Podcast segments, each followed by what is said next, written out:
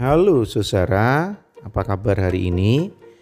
Jangan copot maskernya ya, pakai terus-terus dipakai biar kita terlindungi dari COVID. Saya bacakan ayat dari Filipi pasal 4 ayat 7 dan 8. Damai sejahtera Allah yang melampaui segala akal akan memelihara hati dan pikiranmu dalam Kristus Yesus.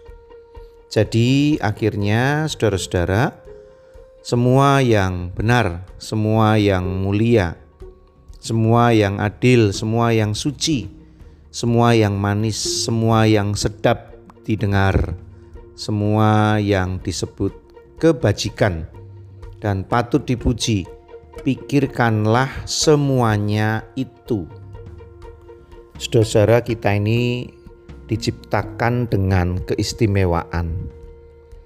Kenapa demikian?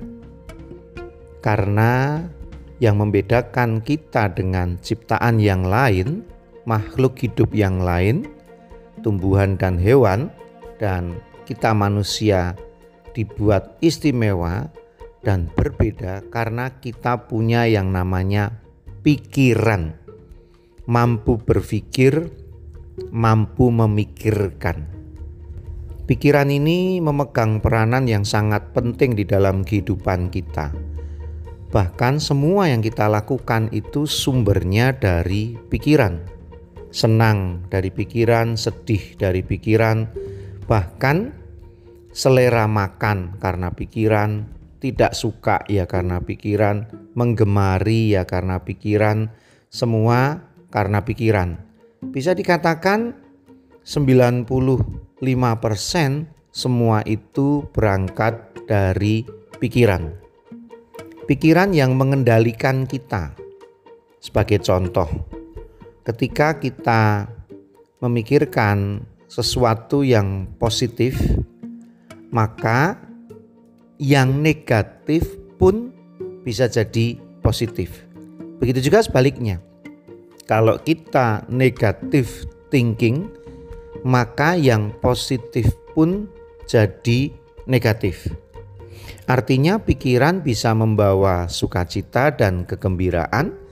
Pikiran bisa membawa kita dalam suasana damai dan senang, bahagia, tapi pikiran juga yang membuat kita terpuruk.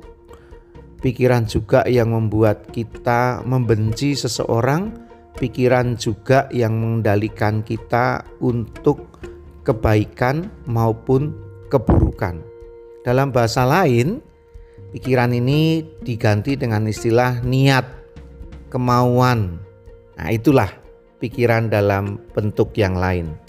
Filipi pasal 4 ayat 7 dan 8 yang kita baca tadi menegaskan bahwa Tuhan hadir pertama-tama lewat pikiran kita, agar pikiran kita memiliki pikiran Kristus, artinya memulai menjalani kehidupan ini didasari dengan kebenaran-kebenaran Kristus, dengan kekuatan Kristus, dengan karakter Kristus, dan itu dimulai dari pikiran kita. Namun di sinilah hal yang paling sulit terjadi. Sebab sekali lagi Tuhan menganugerahkan pikiran kita ini dengan merdeka. Maksudnya adalah Tuhan tidak mau memaksa agar pikiran kita ini seperti robot di mana Tuhan bilang A maka kita akan A, Tuhan bilang B maka kita akan B. Tidak demikian.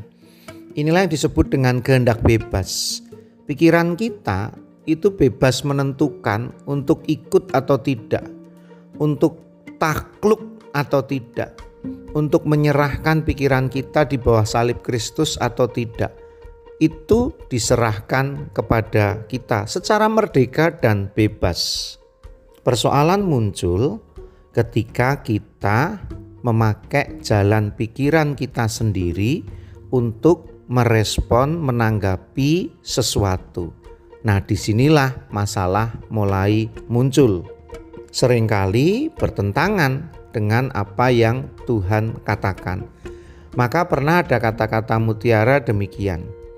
Jangan pedulikan perasaanmu, tapi pedulikan apa yang Kristus katakan.